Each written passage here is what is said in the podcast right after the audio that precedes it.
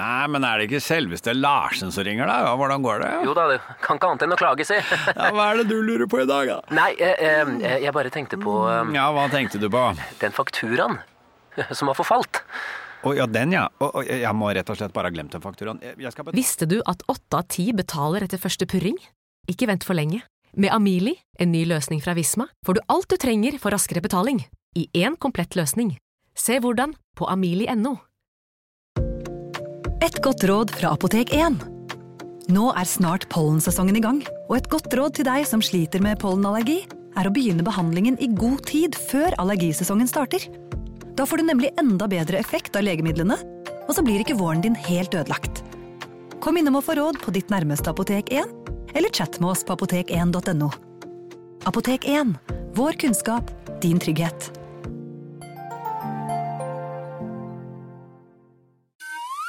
Denne går ut til alle dere foreldre som ønsker at barna deres skal bevege seg mer.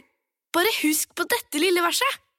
Bort med mobilen, alle mann, så drar vi til Leos lekeland. Lek så mye du vil til 20. juni. Gå ikke glipp av tilbudet Springpass. Vi ses på Leos. Bli med inn i hodet til John Ausonius. Bedre kjent som Lasermannen. Han nøt å se seg selv på nyhetene, men han var ikke fornøyd. Han skulle jo drepe. Det samme året skulle han skyte to mennesker til, før han omsider oppnådde målet om å drepe. Hør på innsiden av Psykohoder med Jonas Alf Oftebro og rettspsykolog Susanne Nordby Johansen. Gratis der du hører podkast.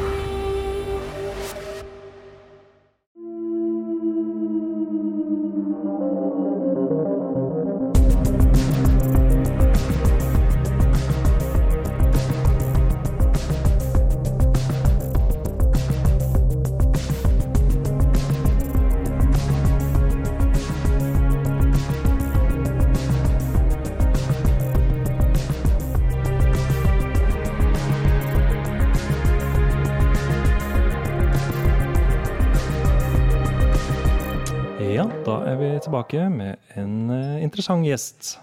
Ja, det vil jeg si. Eh, Totto Aamodt har jo vært eh, politimann i mange år. Han kommer jo faktisk fra en familie med politimenn i fire generasjoner.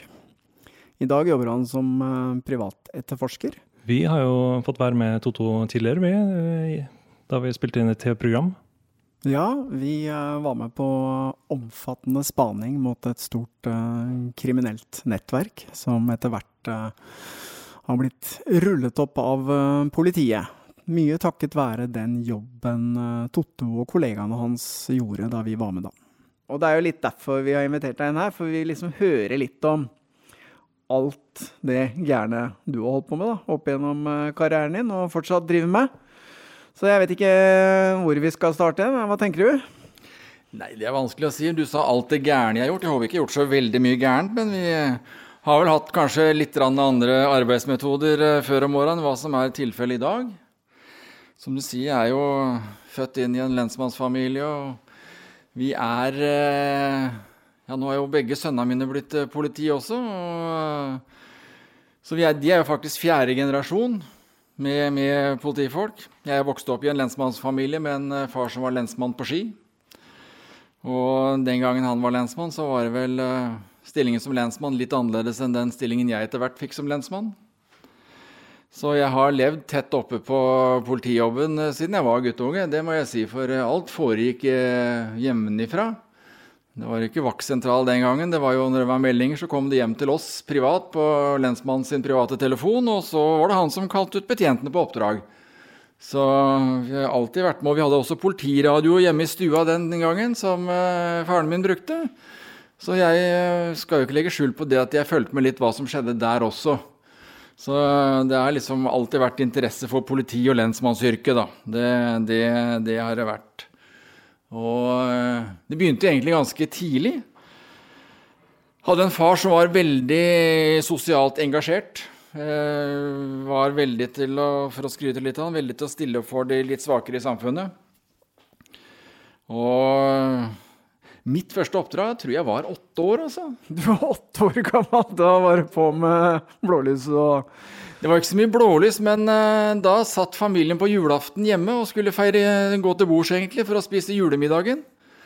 Og da kommer det en dame med to barn i en drosje som hadde blitt banka opp og mishandla av mannen sin, og søkte da tilflukt hos lensmannen.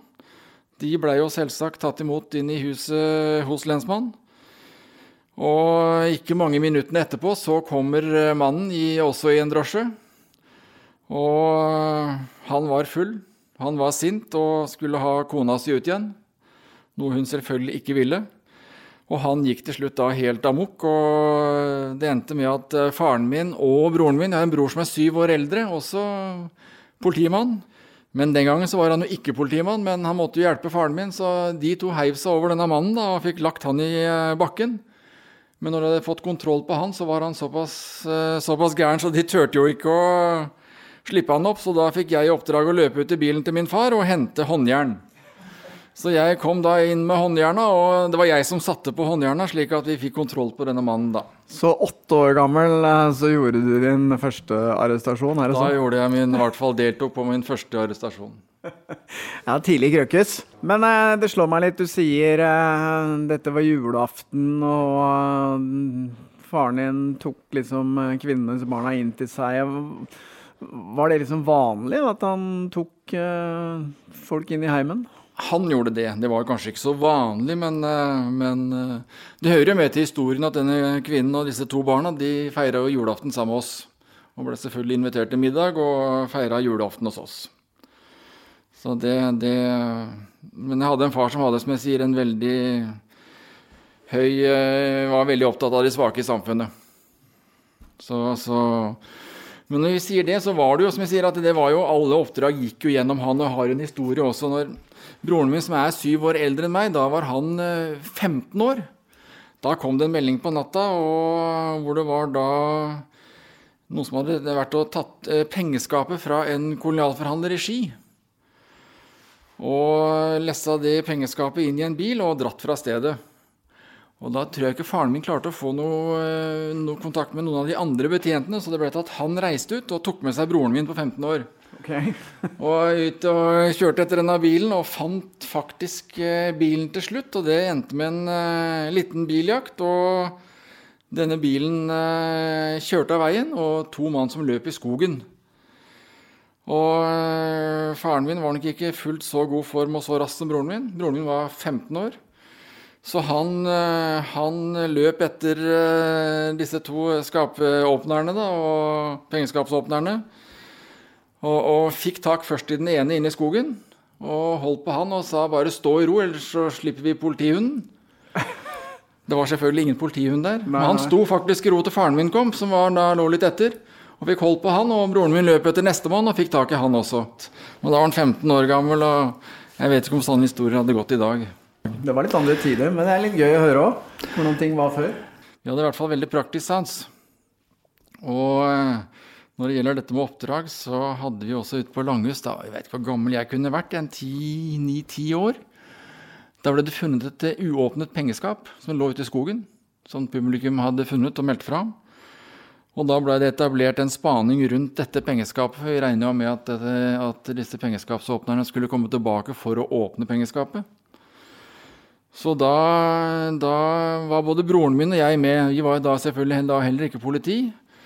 Og den alderen jeg var, som jeg sa, ni-ti år gammel, og, og, faren min og et par av betjentene vi lå rundt i skogen der og venta. Og vi venta lenge, og det kom eh, ingen, og vi venta og venta. Plutselig kommer det en bil. Kjører inn på en øde skogsvei, og der ligger vi rundt. Og nå tenkte vi at nå kommer de, nå skal vi ta pengeskapstyvene. Men det som skjedde der, og guttungen da på ni-ti år gjorde store øye med, det var jo at uh, det var ingen pengeskapsåpnere, men det var nok et par som var ute på Elskov. okay. Så de hadde seg i bilen der, og uh, vi lå rundt alle mann og byvånet det heller. Vi kunne jo ikke gjøre oss til kjenne. Og, og, og, bilen dro, og ingen pengeskapsåpnere kom. Ok. Så det, men det var jo spennende for en guttunge på ni-ti år, det òg, da. Ja, ja, ja. Fikk jo lov til å være med. Selvfølgelig. Noe som selvfølgelig heller ikke hadde gått i dag. Og, godt er det. Men det betyr jo da at du eh, Du har jobbet mye med spaning opp gjennom uh, livet. Jeg begynte tidlig. Og du begynte tidlig, ja. så du fikk god erfaring uh, tidlig. Så det var, jo, det, var jo, det var jo veldig moro. Men det, det, må jo ha Når man liksom har vokst opp sånn som du har vokst opp, hvordan har det liksom formet din syn på, på det å jobbe som politi, da? Ja, du kan si at jeg også er veldig opptatt av uh, det sosiale hos mennesker. Som jeg når jeg seinere ble lensmann og sjef på Frogn lensmannskontor, så, så, var jeg veldig opptatt av å fortelle de nyansatte betjentene mine og aspiranter og senere studenter som begynte på kontoret, at eh, de, de, de svake i samfunnet er de som trenger mest vår hjelp. De som har store ressurser, de, de klarer seg uansett. Selv om mange av de som kanskje mest forlanger at det blir brukt politiressurser på dem, så, så lærte jeg det hjemme at det er de svake som trenger oss, ikke, ikke, ikke de som er veldig ressurssterke. Mm. Det har jeg med meg hjemme. Men var du liksom helt sikker hele oppveksten på at uh, politi var det du skulle bli? Politi skulle jeg bli. Aldri vært noen tvil om det. Så det, når jeg var uh, enda yngre, så når broren min fikk jo være med Han var jo som sagt syv år eldre enn meg, og han fikk være med ut om natta. Så sto jeg i trappa og gråt. Jeg fikk ikke lov å være med, han fikk lov til å være med ut. Ja, ikke sant. Men uh, du sa at du etter hvert ble lensmann i Frogn? Ja, etter hvert så ble jeg det. Men jeg begynte jo karrieren min på Vestby lensmannskontor. Ok. I Follo politidistrikt. Det var sommeren 1978. Ja. Da var jeg 19 år. Og eh, begynte der som eh, lensmannsbetjent uten noe eh, Eller var vikar uten noen form for politiskole eller noen ting. Hadde ingen utdanning, bortsett fra den jeg hadde fått hjemmeante. Men jeg fikk eh, ferievikariat i to måneder. Da hadde jeg søkt Politiskolen og hadde da fått beskjed om at jeg kom inn på Politiskolen og skulle begynne seinere samme høsten som aspirant på Lørenskog lensmannskontor. Men først hadde jeg disse to månedene da, før jeg, uh, før jeg fikk noe skolering i det hele tatt. Jeg fikk låne bilen til faren min, for den gangen brukte jo privatbilene som tjenestebiler. Okay. Så jeg fikk låne bilen hans, for han hadde, han hadde jo bilen, så jeg hadde noe samband. Og jeg begynte da på Vestby lensmannskontor, hvor vi den gangen var eh, fem betjenter. Ingen kontordame og eh, lensmann Jacobsen som var sjef. Og eh, Der ble jeg kjent med en veldig spesiell politimann som het Rolf Siljolt. Han er dessverre død i dag. Han var den første lensmannsbetjenten i Norge så vidt meg bekjent, som fikk fast stilling i norsk politi uten å ha gjennomført Politiskolen. Ok. Ja. Men jeg tror det at det er ikke noe Jeg tror ikke det er noen flere politifolk i Norge som har oppklart like mange saker som han har gjort. Det er litt morsomt. Ingen formell utdannelse. Ingen men, formell eh, utdannelse. Og ikke noe så veldig formelt kjennskap til eh, alle lover og regler heller. Han lagde mange selv. Men det ga veldig gode resultater. Så, så han var egentlig veldig praktisk. Husker vi hadde en sak hvor, hadde, hvor det var stjålet en eldre moped nede i eh, Hølen i Vestby. Og da, da reiste Siljeholten ut, og kjente jo alle. Reiste rundt og forhørte seg litt, og kom etter hvert fram til en garasje hvor, eh, hvor han mente at denne stjålne mopeden skulle ligge i deler. For den var stjålet for å bruke som en delemoped da, av to gutter. Så dit dro Siljeholt inn i garasjen og fant denne mopeden som da var stjålet i deler. Eh, Siljeholt da tar kontakt med disse to guttene og foreldrene deres sier ifra at eh, dette var en gammel moped. I eh, morgen innen uh, klokken tolv så skal det stå en ny moped på plass hjemme på tunet hos han som har blitt frastjålet denne mopeden. Og disse, mopeden, den nye mopeden skal guttene selv betale. Dere kan selvfølgelig hjelpe så de får kjøpt den nå, men de skal selv betale den mopeden. Det ble familieråd i de to familiene, og dagen etter så sto det en splitter ny moped hjemme hos denne stakkaren som hadde blitt frastjålet mopeden sin. Eh, da hadde da Silje Holt etterforsket og vært politimann, og han hadde vært domstol med at han hadde avsagt hvordan vi skulle løse saken. og jeg skal love deg at de to guttene som måtte kjøpe den mopeden, de har aldri mer gjort noe gærent. Nei, det er noe med de det. Slapp, de lærte og de slapp også unna politiets registre. Ja, og så lærte de en lekse. En veldig, veldig god lekse. Men det var sånn Siljot opererte. Men jeg hører du snakker om dette her nå, så må jeg si at det var liksom en Jeg vet ikke om det hadde fungert i dag, da, men det var liksom en tid hvor politiet hadde et mye sånn tettere kontakt med, med folk, da. De kjente miljøet, og de visste, og de hadde liksom en annen måte å operere på. Hvordan tenker du den måten å jobbe på i forhold til liksom i dag med politireformer og enorme politidistrikt, og at man ikke har kanskje den lokalkunnskapen lenger, da?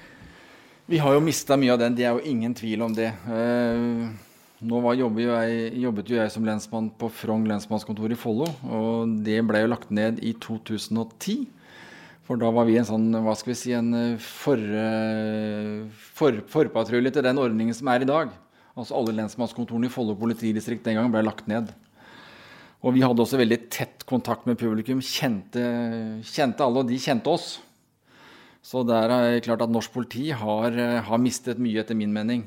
Ja, den biten der. Sånn. Det er blitt veldig stort, kanskje for stort. Men, men tidene forandrer seg, og kriminaliteten forandrer seg. Så, så, jeg skal ikke si at den ordningen vi har i dag, er en dårlig ordning, for det er det ikke. Men, eh, men, vi hadde et veldig tett, tett kontakt med våre, vårt klientell og, og, vårt publikum, ikke minst. Og folk fikk hjelp når de trengte det. Det er ikke alltid de får det i dag bestandig. Nå er det mye prioriteringer. Så det Men, men. Det er, eh, det er eh, sånn det har blitt, og vi kommer aldri tilbake til det gamle politiet igjen. Det, det, nå skal ikke jeg være noe konservativ og beskytte det som jeg drev med, men, men, men eh, det er blitt forskjellig politi, det er ingen tvil om. Ja, altså det er jo ingen av oss som Altså verden forandrer seg, det gjør den jo, men det er liksom Det er noe bra, tenker jeg, som har blitt borte, da, med at man liksom kjente de som, jo, som bodde der. Man hadde god kunnskap. Man visste liksom om hvem som fant på litt. Man løste kanskje ting på en litt sånn minnelig ordning hvor hvor, eh, som var til beste for alle parter, uten at man lagde noe sånn voldsomt oppstyr rundt det. Og eh, tenker at det kanskje hadde en litt sånn fin kriminalitetsdempende effekt òg, da. I dag så er det mye lettere å gjemme seg og, og være anonym. Det er ingen tvil om det, og det er klart at det er Det gjelder oss sikkert alle sammen. At det sikkert tråkka litt gærent noen ganger, og klart at det får en veldig alvorlig konsekvens for deg du, hvis du blir tatt og, og, og du havner i politiets registre. Så det er vel saker som har vært løst på slik som Siljeholt gjorde, og, og, til det beste for hele samfunnet. Og, og når vi først, eh, først, snakker om hvordan vi løste det den gangen, og om Siljeholt Vi har et par gode historier om Siljeholt som jeg har lyst til å fortelle. Ja, kom igjen. Han, uh, han var en veldig utradisjonell politimann, som jeg sier, og, og, en utrolig flott mann. Og historien sier at jeg, jeg var ikke med på den selv, for det var før min tid eh, som politi. Men han var jo også politi på, nede i Østfold, ned mot svenskegrensa. Jeg tror det var i Ørjetraktene, hvor, eh, hvor han var vikar før han ble fast ansatt i, i, i, politiet. Og da hadde det vært et bank... Det her var midt i, midt i elgjakta. Og da hadde det vært et bankran der nede i traktene. Jeg er ikke helt sikker på akkurat hvor det, hvor det var.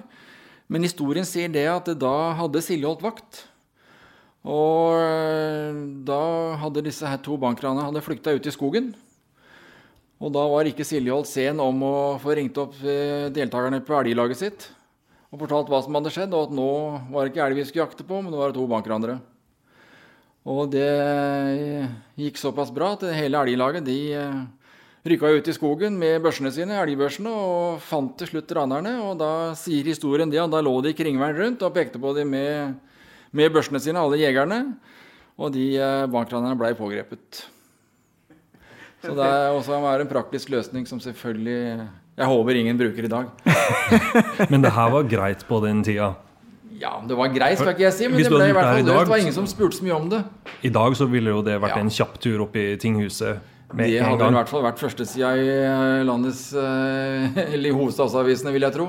Men det, det, det, du forteller, viser jo at i dag så har jo holdningene til eh, myndighetspersoner endra seg noe fra den tida du beskriver nå. ikke sant? Du er presten, du har ikke samme respekt for den. Og læreren hadde jo eh, en, en høy stjerne i bygda tidligere. Har det skjedd noe av den samme endringen i politiet? Jeg ser for meg Hvis det kommer noen, en politimann på min dør og sier at min sønn har, har stjålet en, en scooter, du skal kjøpe en ny, så ville jeg sagt eh, det her må jo bli en rettsprosess. Ja da. Nei da, det, og det er klart at det er jo det som er riktig. Men den gangen så ble det kanskje noen ganger løst på en litt annen måte. Som jeg sier til beste for alle. Disse to gutta fikk jo ikke Det var jo to unge, unge gutter som uh, har sikkert etter hvert blitt flotte borgere og ikke funnet på noe mer tull. Og fikk da den sjansen av Siljeholt den gangen. Så det var mye kriminalitet som gikk under radaren, da, som aldri endte i det ikke papir? si. Så Nei, man, man kan egentlig ikke hevde at det, Og det var ikke alle mer. som drev på den måten, men Siljeholt var praktisk anlagt. Mm. Ja. Og, og var en veldig, veldig fin herremann, som jeg sier. Det, men klart at det var spesielt. Men dette var i 1978. Det er noen år sia. Så, så Men han, og den gangen så, når vi var lensmannsbetjenter, så hadde vi jo vakt aleine. Og prøvde jo å ringe en, en eller annen av de andre betjentene hvis det var oppdrag som krevde flere, men det var ikke alltid du fikk tak i det. Så det hendte ofte at du var på ganske hva skal jeg si, litt heftige oppdrag aleine på natta. Og, og historien om Siljeholt sier det at da kom det melding om den gangen nede på torget i Son, ved Son havn der, så, og på nedsiden av Son kro så var det en kolonialforretning. Og da var det innbrudd i forretningen, naboer som hadde observert en mann som var der inne. Siljeholt rykka ut aleine. Kommer ned på torvet og ser denne guttelarven da, som har brutt seg inn. Kommer løpende ut. Løper over torvet og opp bakken forbi Son kro, som er en forholdsvis bratt og lang bakke. Og Siljåten var jo øst østfolding, så jeg skal ikke prøve å gjengi Østfold-dialekten så mye, men han, han, han fortalte den, så fortalte han det at eh, jeg så han kom ut av butikken, Getsan, og så skjønte jeg at han begynte å lø- løpe opp bakken, at eh, da vil han bli sliten. Så jeg la meg litt bak med bilen, sånn, og så kjørte vi til jeg kom sånn midt i bakken. Da begynte det å gå sakte med han. Da kjørte jeg opp på sida, så lokka jeg opp passasjerdøra, sa og så sa jeg det til han at eh, nå, gutten min, nå er du sliten, nå må du sette deg inn, sa han. Og det gjorde han, gitt, Sånn. Så- Da ble han pågrepet. Så det, det Når vi snakker om eh, Vestby lensmannskontor og den tida, da, så hadde jo jeg min første sak der nede. Det var jo ikke noe PC og datamaskiner den gangen. Så jeg fikk jo utlevert min Olympia reiseskrivemaskin. Med, når vi skrev, så var det jo med fire gjennomslag og blåpapir imellom. Og min første sak, det var eh, For jeg fikk tidlig vakt der nede aleine. Fikk mye, masse ansvar. Og da var det melding om elleve hytteinnbrudd nede i Hvitsten. Og da reiste jeg ned på vakta mi aleine dit ned, da, og hadde jo aldri tatt imot en anmeldelse i mitt liv før. Men jeg hadde med rapportlæreboka til Sønstli, Per Sønstli, som han da hadde laget denne boka til elevene på Politiskolen. Så jeg slo opp i den og så hvordan en anmeldelse skulle se ut. Satte arket i maskinen og tok imot da anmeldelse. Vil si at da hadde vi eh, ko på en av hyttene, hvor mor eh, trakterte oss med vafler og kaffe, selvfølgelig. Og så kom det én og én hytteeier og innga anmeldelsen. Elleve hytter i alt.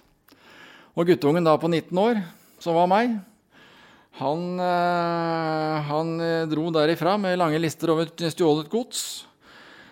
Og samme natt, altså natten etter, eller natten etter, så ble det da stoppet en bil tilfeldig, en politipatrulje her inne i Oslo, med alt tyvegodset fra de elleve hytteinnbruddene.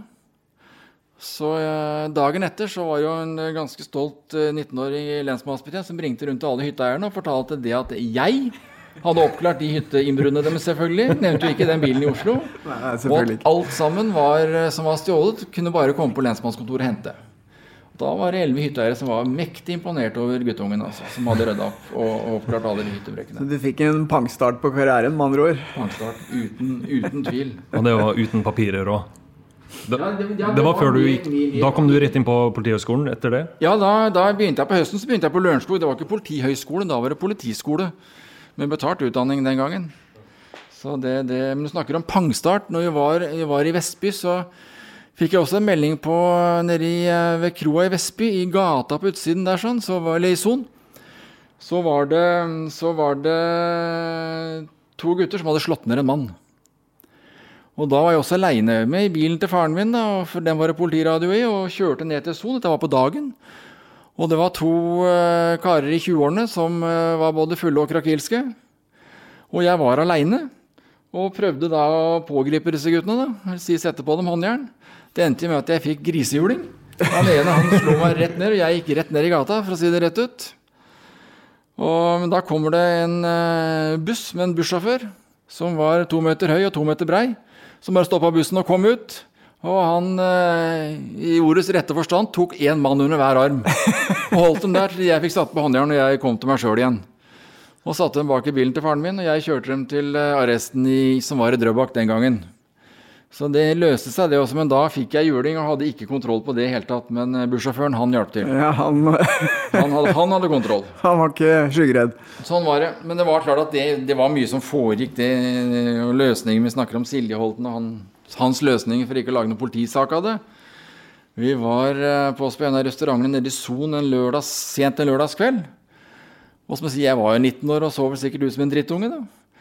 Og da var det, sto vi på utsiden av en restaurant, og da var det en som kom ut, en kar fra Oslo, og var veldig flåsete og fikk beskjed om å fjerne seg av, av meg. Og ville ikke det, og kalte meg for babyface og var liksom ordentlig. Og da kom Silje Holt, som også var en eh, tålelig røslig kar, og sa at du får én sjanse, pell deg vekk. Hvis ikke, så blir du med oss. Og han fortsatte. Og da var grunnen sjansen brukt opp. Så Silje Holt han eh, tok tak i nakken på han og heiv han inn i bilen. Og jeg kjørte og sa bare til meg at kjør, og kjør opp imot skogen på Hølen. Og det er vel en mil halvannen fra Son. Og midt oppi skauen der, det var jo om sommeren, det var ikke kaldt eller noen ting sånn i hele tatt, så da lokka Siljeholt opp døra for gutten og sa det at nå kan du gå, sånn, og innen du er tilbake i Son, så er du både edru og blitt snill, sånn. Og vi kjørte, og gutten sto igjen. Og det gikk veldig fint, og det løste seg. Det ble, ikke noe, det ble verken an anmeldelse eller noen rapporter av det. Det der høres veldig kjent ut. Det er en historie som jeg har hørt av en annen politimann. Jeg tror det var litt uh, vanlig den gangen å la folka få seg en liten trimtur isteden. ja da, det løste seg. det var, Hadde det vært på vinteren, så hadde selvfølgelig ikke det skjedd. Men hadde vi Siljot, i hvert fall, som var sjef, han hadde ingen betenkeligheter med det. Nei. Så det, jeg tror det løste seg greit, og han slapp også unna politiets registre. Nei, altså det året i Son, eller på Vestby lensmannskontor, det endte faktisk med at lensmann, han lensmann Jacobsen, som var lensmann den gangen, han fikk faktisk et hjerteinfarkt. Eh, og det var Silje Holt og jeg som kom til først der, og han eh, Dessverre en fantastisk flott mann. Han døde i hendene på oss. Vi prøvde jo både med munn til munn og litt av hvert, men han døde i hendene på oss. Og, og veldig sterk opplevelse. Og det resulterte jo at på kontoret den sommeren der sånn, så var det jo det var jo ferieavvikling. Og det endte jo med at i 14 dager av den sommeren så var faktisk jeg alene på kontoret. Altså med da hele Vestby kommune og Son. Og styrte det aleine. 19 år gammel. 19 år gammel, og når det var utrykning på dagtid på kontoret, så var det bare lapp på døra at kontoret er stengt pga. utrykning. Bodde på en campingseng inne på en av kontorene og jobbet da døgnet rundt i 14 dager. Så det er klart at det er jo ikke bra. En 19-åring skal styre sånn, men det, det løste seg, og det, og det, gikk faktisk bra. Men det minner meg litt om jeg må nesten fortelle det, for dette minner meg litt om eh, førstegangstjenesten min. Ja. Fordi jeg, jeg hadde en sånn eh, datautdannelse, så jeg ble plassert på Akershus festning.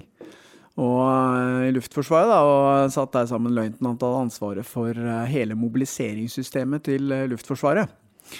Og, eh, men etter seks måneder så ble jeg forfremma til korporal, for da dro løytnanten på kurs. Så i seks måneder så satt jeg altså ikke stort eldre enn det du var, da.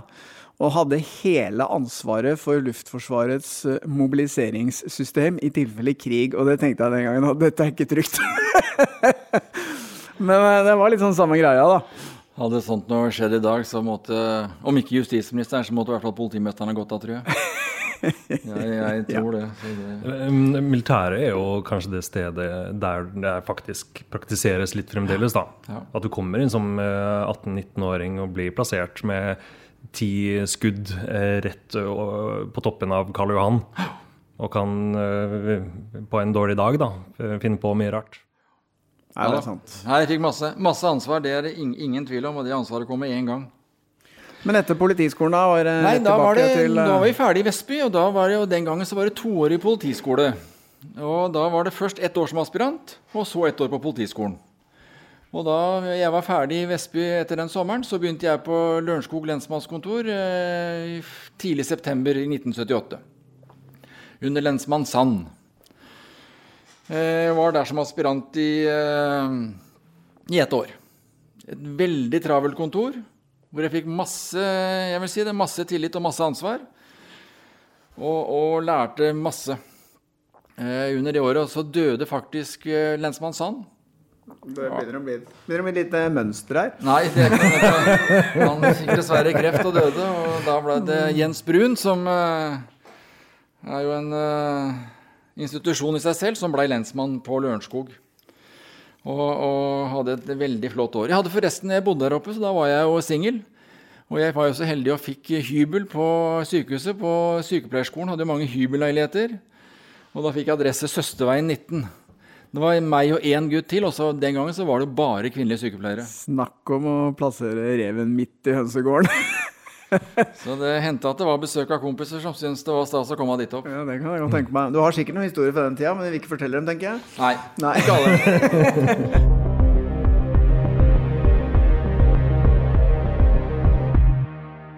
Det er en veldig god historie derfra som, eh, som eh, hvor vi fikk faktisk på lensmannskontoret på Lørenskog fikk vi et uh, tips.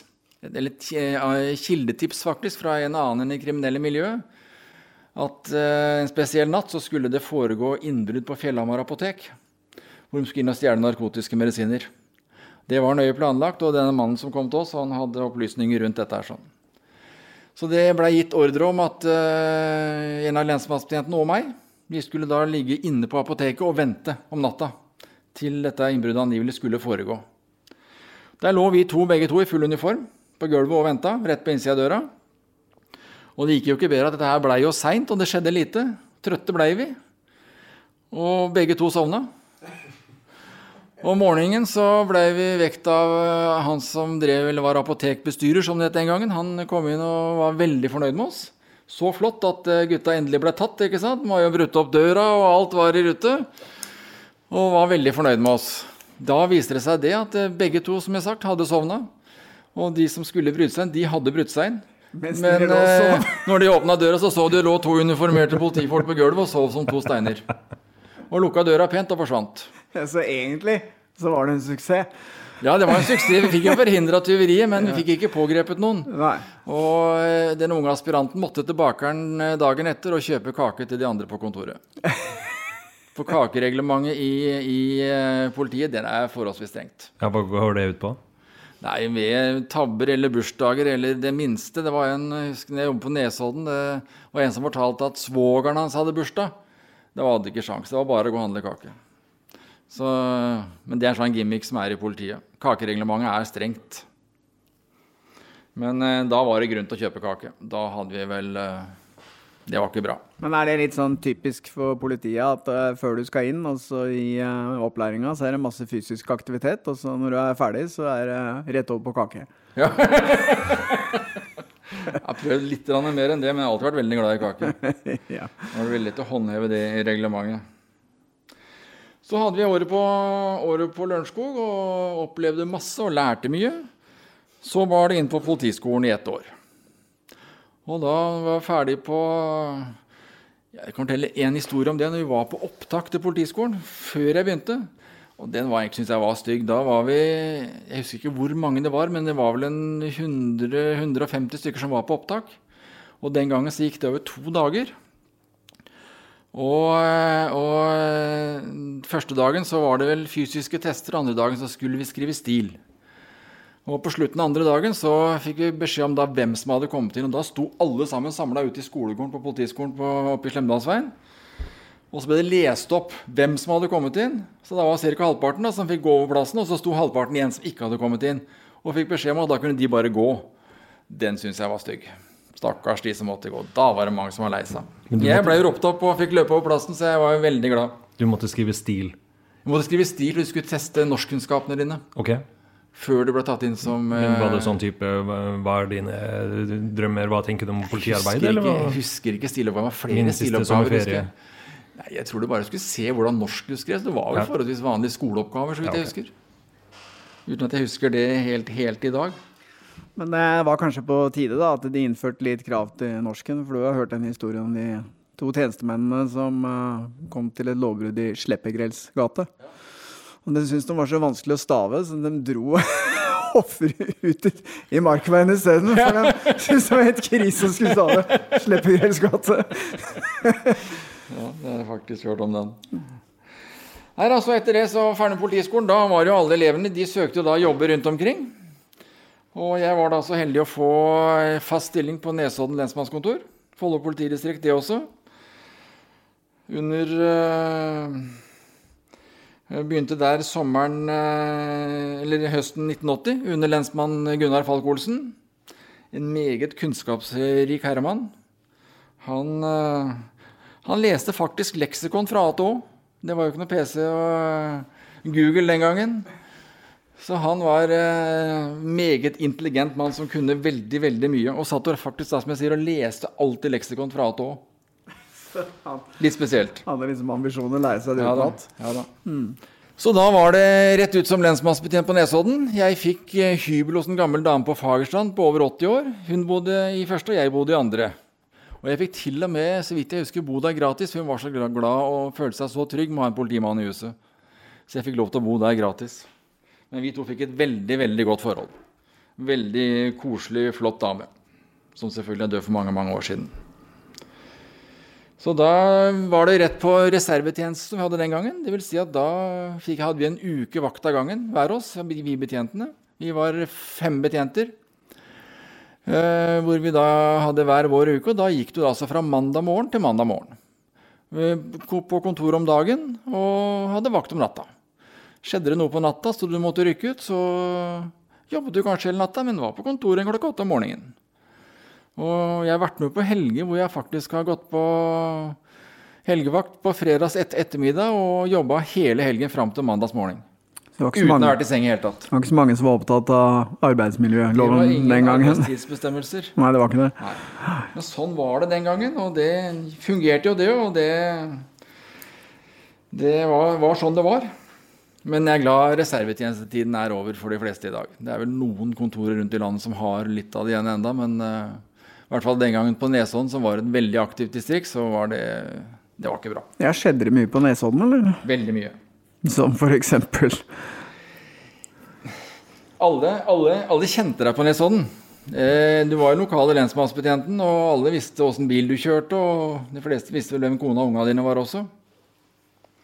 Så, så Og jeg hadde en eh, en episode der ute med med en, Vi tok en stor narkotikasak. Flere kilo. Han fikk flere år i fengsel, faktisk. Erik Jensen? Ja, etter at han var pågrepet, så var han ute før han gikk inn på soning av den dommen. Og da var kona mi ute og gikk tur med eldstemann. Han er jo flere og 30 år i dag, men da, den gangen lå han i barnevogn.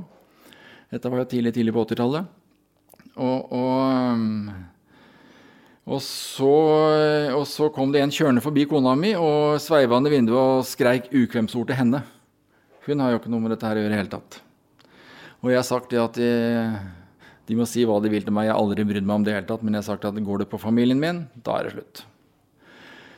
Så eh, da reagerte jeg egentlig litt med sinne, og er veldig bestemt på at sånt noe forbigår ikke stillhet. Så jeg, og kona mi ble redd, faktisk, og da satte jeg meg i bilen og reiste rett hjem til vedkommende, visste hvor han bodde, og ringte på døra og fortalte akkurat hva jeg mente om det han hadde gjort. Og eh, gutten, han eh, var såpass, eh, såpass real han, at kvelden etter så kom han jammen hjem til oss, ringte på døra og ba om unnskyldning til kona mi for det han hadde gjort. Så det Og den, og den gutten mannen i dag, selvfølgelig, har jeg hatt, ikke de seneste åra, men hatt litt kontakt med hele veien. Meget eh, flott herremann, faktisk. Vi ble gode venner etter hvert. Og intelligent herremann som bare brukte ressursene sine på helt gærne steder. Drev da med omsetning av narkotika den gangen. Nå i dag så driver han med å ta vare på og hjelper ressurssvak ungdom. Og under soningsforholdene sine i løpet av ett år så tok han eksamen artium. Vel, den gangen det var tallkarakter, og stort sett med seks i alle fag. På ett år. Så det sier litt om hvordan gutt det var. Og... Men jeg syns det var veldig flott gjort å komme hjem og gjøre det på den måten der. sånn. Men det er jo liksom hyggelig med sånne historier òg, fordi man hører liksom altfor mange som det ikke går bra med. Men, eh, men det er jo litt som du sier, at eh, selv om man kanskje finner på litt sånn i ungdomsårene, så betyr ikke det at du er en, er en kjeltring resten av livet. Jeg har alltid vært veldig engasjert i arbeidet mot narkotika. I hele politikarrieren min, egentlig. Og på 80-tallet så var det veldig stor omsetning av cannabisstoffer fra Nesodden. Den gangen hadde vi jo Slottsparken og den biten der også. Og det var såpass eh, mye omsetning på Nesodden. Det var flere, jeg vil si, flere hundre kilo som gikk ut derifra. Eh, at det, det, Hasjen som ble solgt på Nesodden, den hadde eget navn i Slottsparken. Det var Nesodden Marokk. Og, de, eh, og der hadde vi en veldig stor sak etter hvert. Veldig mange etterforskere og jobbet lenge med saken for å rulle opp det miljøet der ute. Før vi slo til. Og da, apropos å være kreative politifolk, de sto ofte på utsida av Tangen senter, som det het. Det er jo bygd om fullstendig i dag. Men den gangen så hadde de en sånn samlingssted på utsida av Tangen senter hvor de omsatte narkotika. Til brukere, kan du si. Og der var det en veldig stor samling, og der sto alle disse gutta som vi jobba mot, de sto på utsida der. Og da var det en av lensmannsbetjentene på kontoret som het Steinar Humlung, for øvrig dessverre også død i dag, også en fantastisk flott mann. Han var veldig kreativ. Også for å få holde øye med det miljøet på spaning som sto på utsiden av dette senteret, så fikk han ordnet en kjempesvær pappeske. Som han da satte inn i en forretning, en skoforretning faktisk, den gangen. Så satt han inni skoesken. Tok der plass når butikken stengte, og satt der utover kvelden og med to små høl. Og fulgte med da hva som skjedde, og satt da én meter ifra de og så de nesten inn i hvitøyet uten at de så han. som klippet ut av Donald. det er som klippet ut av Donald, men det fungerte. Og dette pågikk lenge. Men i alle åra du har drevet med, med, spaning og politiarbeid, har du, du har brukt avistriks ofte, da? eller? Med sånn avis to, to hull og vegger oppe? ja. Nei. Det, det, det, har jeg nok ikke. Uh, jeg kommer litt tilbake til det, men jeg endte jo opp på narkotikaseksjonen i Oslo som, som narkotikaspaner eh, på slutten av 80-tallet. Og det kom jo av den interessen jeg hadde for, eh, for narkotika. Men eh, vi hadde også en veldig spesiell episode på Nesodden med en, også en kar jeg hadde et veldig flott forhold til, egentlig. Som var vel en av Norges første heronister. Eh, men veldig flott menneske. Aldri et ukvemsord, ingenting. Og han sleit veldig. Og, men kom seg til slutt på beina. Og klarte å kutte ut heroin og begynte på Sosialhøgskolen, jeg tror det var i Trondheim. Og gikk der på tredje året, hvor han fikk en sprekk. Altså da etter tre år. Satte da en, eh, et skudd med heroin og ble selvfølgelig over, overdose og døde. Det var en meget, meget spesiell hendelse, syns jeg. Det, og jeg var faktisk med også og, og bar kista hans til grava. Ja. Det var eh, veldig, veldig spesielt. Det gikk så bra med den, og alt fungerte. Jeg hadde veldig god kontakt med den hele veien også. Og så kom denne sprekken etter tre år. Så det stoffet heroin, det Det er ikke bra. Men, eh, men det var en eh, veldig flott mann, og veldig spesielt når det skjedde. Og i tillegg vi var med da og bar kista hans til grava. Det var, var spesielt. Ja, det skjønner jeg. Men hvordan var det for det er å begynne på narkotikaseksjonen i Oslo på slutten av 80-tallet, var det det? Det var slutten av 80-tallet. Ja, det må jo ha vært litt andre forhold enn det du var vant til? Ja, Vi hadde hatt veldig mye samarbeid med narkotikaseksjonen på Nesodden. Vi drev med den store hasjsaken som da endte opp med hundrevis av kilo. Eh, så jeg kjente jo miljøet der inne, og, og fikk da jobb på spaninga der sånn, som narkotikaspaner. Og jobbet der i ett år. Og, og, trivdes veldig, veldig godt med det. Men klart at det var andre forhold, og det var uh, større forhold og mange flere både brukere og, og, og saker. Hadde en sak med en uh, For å se hvordan grådigheten kan virke inn på folk. Hvor vi skulle tilslag mot en forretning i Oslo. Hvor det var en kar som var stor på heroin, omsetning av heroin. Og til den forretningen så var det et stort utstillingsvindu Eh, vi visste at han satt på flere kilo med heroin inne i forretningen. Og for, da, for å få til et overraskelsesmoment, slik at han ikke skulle klare å kvitte seg med narkotikaen, så ble det besluttet at vi skulle knuse den ruta inn til forretningen, den svære speilglassruta, med en slegge. Vi var vel seks-sju mann som sto der på hvert vårt hjørne og rykket fram og slo inn den ruta med slegga, slik at den gikk ut 1000 knas. Og vi så jo da mannen på innsida, og han løp med en gang. Men han var så grådig at han tok med seg de fire kiloene med heroin og stappet eh, rundt på Noe hadde han en pose, og noe prøvde han å stappe ned i buksa si. For han ville da eh, komme seg unna, men han ville ikke da gi slipp på de fire kiloene med heroin. Men det, det gikk dårlig. Ja, så han tok bevisene på seg, ja? Han tok bevisene på seg, og han ble selvfølgelig pågrepet etter kort tid. Men uh, så grådig var at han ville ikke løpe fra det heroinet. Så det, det så, sånn, sånn var nå det. Og vi, vi snakker om det med, med spaner, og ja, vi drevet litt med kilder også. Litt med kildeføring. altså både med kriminelle i miljøet og, og, vanlige som ikke har vært i det kriminelle miljøet. Men uh, oppimot arbeidet mot narkotika da, så fikk jeg opplysninger om at det var uh, en person som tok kontakt med meg og sa det at han hadde fått tilbud om å, av en kar som skulle innføre fire kilo amfetamin til Norge. Og via Finland og Sverige kom vi da med ferja over. Og jeg lurte på hva han skulle gjøre med det. Han var i miljøet selv og ville da ville ha de amfetaminbeslaget vekk. Og Da skulle han ha et møte med denne her leverandøren eller denne mannen som skulle ta inn narkotikaen. Da, da var vi satt inne på Grünerløkka i Oslo, eh, inne i en leilighet.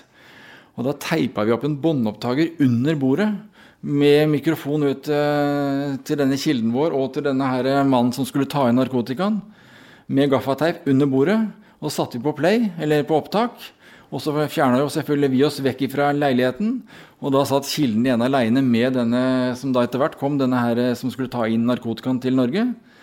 Og vi tok opp alt sammen. Vi var jo kjemperedde for at han skulle begynne å kjenne under bordet, eller se under bordet. Eh, selvfølgelig ikke metoder som blir benytta noe mer, for å si det sånn. Det var jo helt galskap også. Men det gikk veldig fint. Vi, eh, vi fikk hele samtalen, og vi fikk også beslag i fire kilo amfetamin. Det må jeg bare spørre, fordi jeg sier at du dreiv med litt sånn kilde, kildepleie. Og det var vel eh, på et tidspunkt kanskje hvor det ikke var sånn eh, veldig eh, klare instrukser for hvordan man skulle gjøre. Det har vært liksom mye debattert i forhold til Eirik Jensen og hans kildebehandling. Hvordan, hvordan følte du det var å jobbe med kilder? Var det problematisk? Ikke, jeg hadde i hvert fall ikke noe problematisk forhold sett opp imot det, men det var jo ikke på 80-tallet, så var det jo ikke regulert. Det var ikke noe instrukser, det var ikke noe Den biten der var egentlig opp til hver enkelt tjenestemann. Så det foregikk sikkert eh, ting som ikke var helt etter boka, men, eh, men, eh, men jeg tror samtidig at ikke det foregikk. Det var for å ta de som virkelig omsatte narkotika, og mange ble tatt. Men i dag er det jo veldig regulert, og, og, og det er veldig bra, det altså.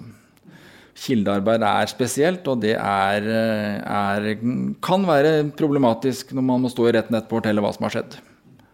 Og du skal jo også beskytte kilden din, slik at han ikke må stå fram på noen måte. den biten der sånn, Så derfor er det veldig godt å ha en, hva skal vi si, et ordentlig, ordentlig regulativ på det, hvordan dette skal foregå. Den gangen så var det, møtte de alene og når som helst og hvor som helst. for å si det sånn. Nå er det jo to mann og regulert på en helt annen måte og mye mer sikkerhet. Både for polititjenestemennene og den som er kilde til politiet. For, for, det er jo ikke noe tvil om det. Det er jo ikke noe hemmelighet det at politiet benytter seg av informanter. Både fra kriminelle miljø og utenomkriminelle miljøer med, med, forskjellige motiver for å være informant. Hvor langt skal man gå da for å beskytte en informant? Da skal man gå ganske langt. I hvert fall hvis det er en seriøs, ordentlig informant som kommer med seriøse, og ordentlige opplysninger som fører til pågripelse og, og, og lange straffer for andre. Så, så. Men det er forskjellige motiver fra informanter. Mange vil jo bare bli kvitt konkurrenter, for å si det sånn. Og, og, så det er, det er, masse motiver, men eh, de som er seriøse og ordentlige informanter, de, de blir alltid tatt veldig godt vare på og beskytta. Men etter et langt uh, liv i politiet, skal vi hoppe litt, kanskje? Eller, eh, ja, nei, du, nei, det er mer har du, du har å fortelle. Nei, nei, vi har aldri hatt noen som er så godt forberedt. Vi, vi, snakker om, vi, snakker om, narkotika på Nesodden. Ja, ja, ja, jeg må fortelle én historie der sånn. For vi lå ute på Spro brygge. Der var det et sånn veldig hva skal vi si, et omsetnings- og brukersted for narkotika. Så vi sto eh, oppe mot riksveien, og så så vi bilene kjørte ned på brygga. Og så pågrep, for da var det gjerne nede og handla narkotika. Og så kom de opp, og så stoppet vi de og pågrep. Og eh, da var det faktisk eh, han Asbjørn Hansen som eh, er med på Åsted Norge. Ja, ja. Vi drev jo mye sammen i, i narkotikabransjen, for å si det sånn. Eller arbeidet mot Ikke i bransjen, men i med arbeidet mot narkotika. Så vi to var på jobb faktisk på Nesodden da sammen. Hvor det var en kar som vi så kjørte ned og ble borte lenge og kom opp igjen. Og eh, vi stopper da bilen, og jeg går mot føreren. Og idet jeg kommer bort til bilen, så ser jeg han tar en sånn stor, svart klump og hiver, eller brun klump og hiver i munnen sin.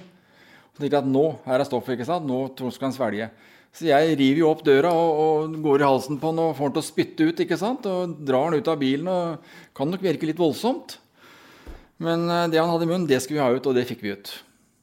Det var ikke narkotika. Han hadde akkurat tatt og putta en bamsemums i uh, sjokolade i munnen sin. Men vi, vi, som de ordentlige politimennene vi var, så ba jo selvfølgelig om unnskyldning. Og, og dette her var jo fortalte om grunnen til at vi sto der. Han syntes det var kjempefint.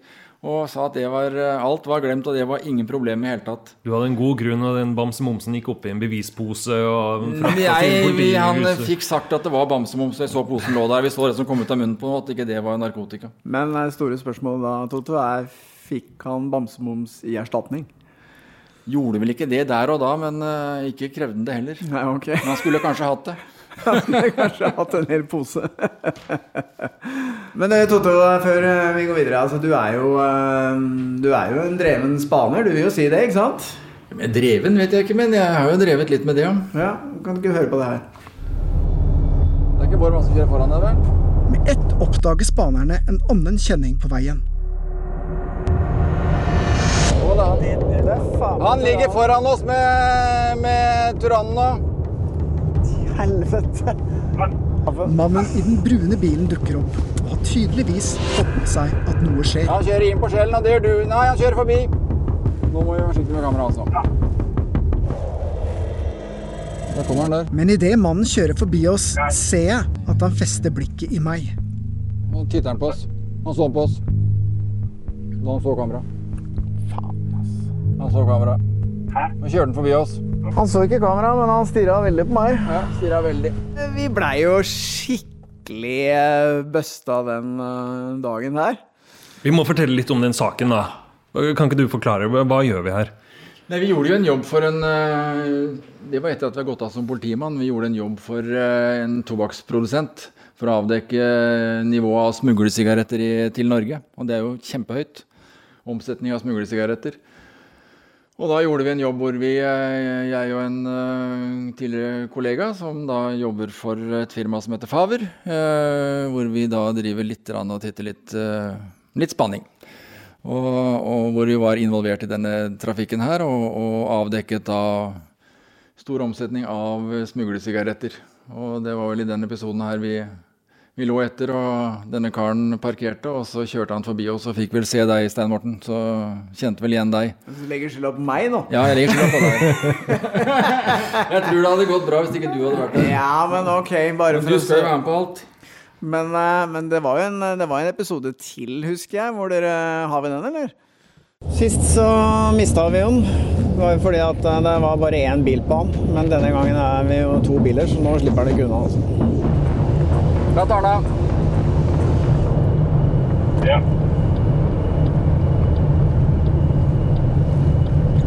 Men det var feil, det var feil bil, for faen! Kødder du, eller? Ja. Det er jo ikke den. Det er ikke den. Det er ikke sant. Det er ikke sant. Nei, han er borte. Fy faen. Dette var amatør, altså. Nei, det var en litt uheldig episode der hvor vi var faktisk to like biler. Og, og hvor vi trodde vår bil svingte. Og vi fulgte etter og svingte av motorveien, og da er det grunn for seint når du har svingt av motorveien. For her lå vi på hjul etter en varebil, en sølvgrå varebil som hadde fylt diesel og skulle frakte det her opp til Kongsvinger. Kongsvinger. Det var en veldig mistenkelig oppførsel. Diesel med stjålne bankkort. Ja. Og så ser vi vi tar av eh, fra E6 eh, for å ta mot Kongsvinger.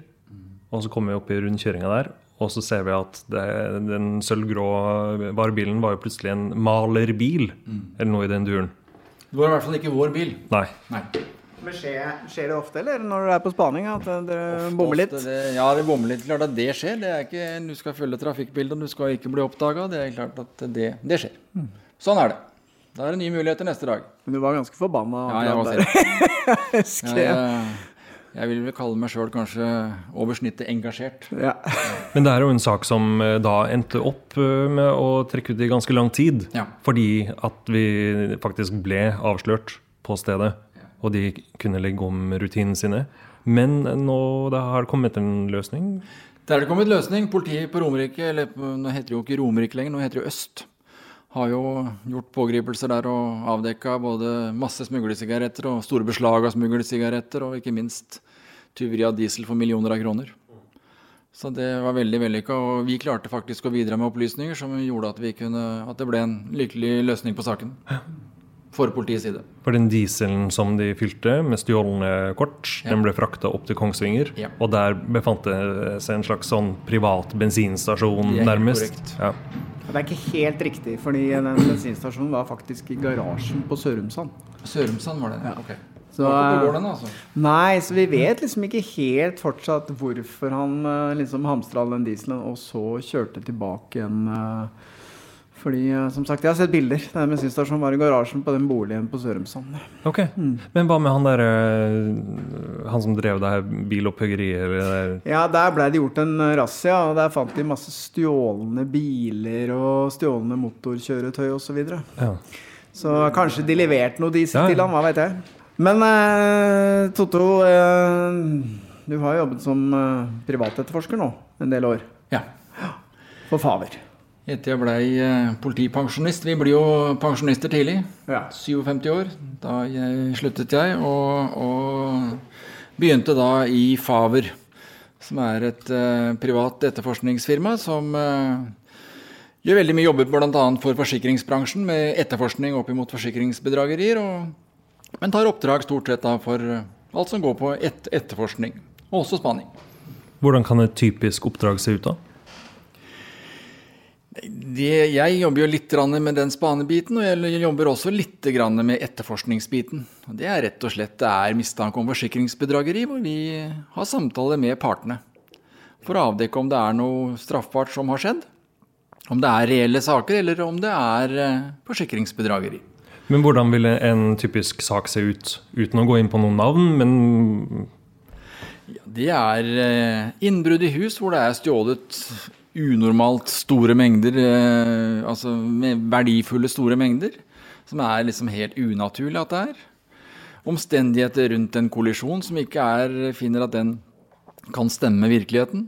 Arrangerte kollisjoner har jo blitt et veldig et veldig hva skal jeg si, populært eh, når det gjelder forsikringsbedrageri. Får ikke solgt bilen og krasjer eller eh, får skade på bilen slik at den blir kondomert og får utbetalt forsikringspengene sine. Det er det jo. Det er alle typer. Det er som jeg sier, der det er penger, og det er det når det gjelder å få utbetalt på forsikringsskader, så er det kjeltringer. Som blir fristet da til å, til å lage falske skadeoppgaver eller arrangere innbrudd eller skader på bil som da i virkeligheten ikke har skjedd.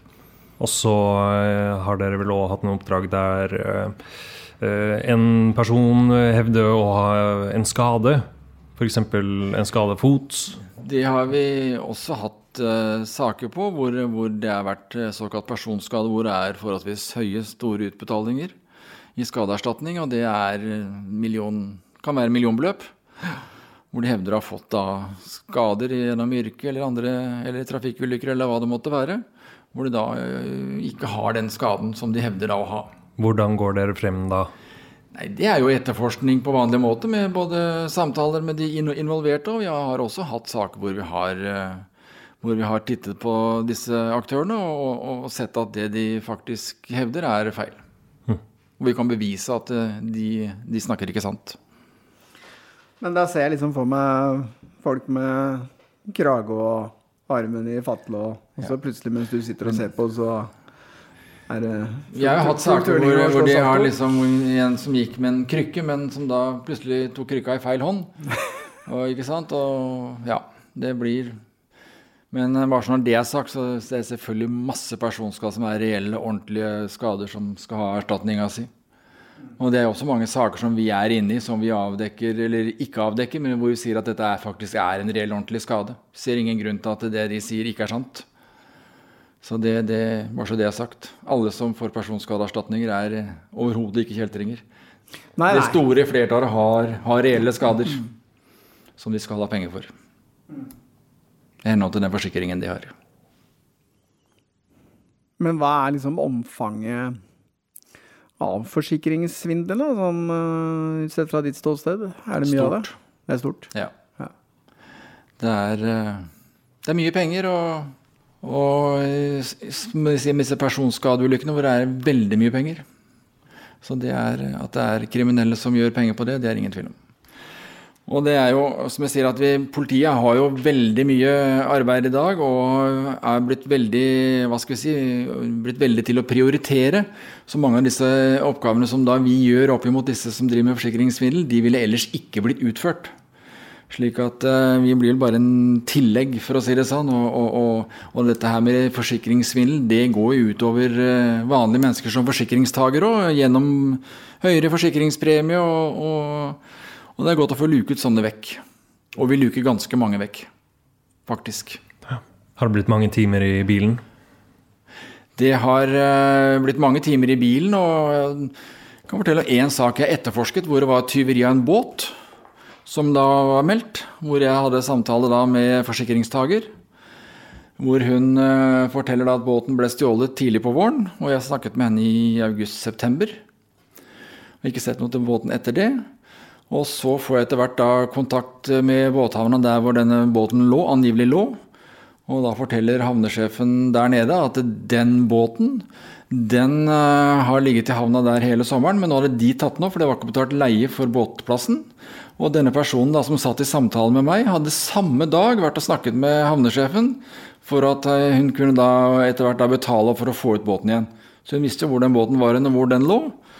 Den lå på land hos uh, vedkommende havnesjef, og, og, og, satt da likevel i samtalen med meg og fortalte at båten var stjålet. Og ja, hadde en så god historie at jeg nesten trodde på henne òg. Hm. Men hun ble da selvfølgelig politianmeldt og fikk ingen skadeerstatning. Kjempebra. Eh, det var en veldig fin avslutning. Jeg har, jeg har, jeg har en, ja. ja. men, men hvis du har en til Ja, jeg har en historie. Det er masse. Men den, jo, men den, den vil jeg ta, ta den ene. Ja, ja, ja. Det var på Nesodden i slutten av 80-tallet. Så bodde vi på Helvik på Nesodden. Vi bodde i et hus der sånn. Det var en bratt bakke opp mot huset vårt. Kona mi kjørte Volkswagen Boble. Og det var liksom i barnesikringsutstyr den gangen som vi brukte så mye av. Men i hvert fall så lå øh, sønnen vår han lå da i øh, overstellet til barnevogna i baksetet på bilen. Og hun kjørte opp den bratte bakken. Det var snøvær og glatt.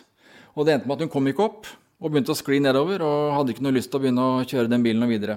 Så kommer det to ja, 19-20-åringer som kommer gående opp bakken. Og hun spør de om de kan, ikke kan hjelpe henne med å få snudd bilen. Så han ene sier at det er helt i orden, og kjenner nok Turi også. Setter seg inn i bilen og drar i brekk og kan kjøre bil, og snur bilen rundt og kjører ned bakken. Med sønnen vår baki. Og leverer bilen til henne, og hun takker og så viser det seg i ettertid at senere samme ettermiddag så er jeg med og pågriper disse to guttene. De har gjort et væpnet ran av bank i Oslo. Et væpnet ran er en bank i Oslo. Og eh, vi finner faktisk hele ransutbyttet. Vi finner pistolen som de benytta. Og han fortalte den historien om at han hadde hjulpet av kona mi etter ranet på Nesodden. Fordi han hadde tatt Nesoddbåten over til Nesodden etter ranet. Og var på vei da til det stedet hvor de bodde, men hadde da hjulpet henne. Og hadde selvfølgelig heller ikke noe førerkort. Så betyr, Er det det man kaller for formildende omstendigheter? Det vet jeg ikke helt. De hadde prøvd å skaffe seg litt sånn karma-poeng før ja. de skulle gjøre det. Nei, det var jo sympatisk, det, da. Ja, ja. ja, ja. Nei, ja, historie nok til en time til, men det er greit. Jeg tror ikke vi får plass til så mye mer. Nå har vi holdt på i halvannen time. Men det er jo kjempemorsomt å høre. Du har jo vært med på litt. Masse. Ja. Og masse moro. Og masse er tragisk, selvfølgelig. Og, men uh. Truffet veldig mye flotte mennesker gjennom uh, tiden. Og, og, veldig mange hva skal vi si, flotte kriminelle også, som vi faktisk har snudd og kommet seg på beina og blitt folka. Det syns jeg har vært veldig hyggelig. Avhørt er produsert av Batong Media, og all musikk er laget av Georg Roaas. For å komme i kontakt med oss, gå inn på Facebook-siden Batong Media. Hvis du vil høre flere eksklusive episoder av Avhørt, så gå inn på podmy.no, eller last ned appen Podme.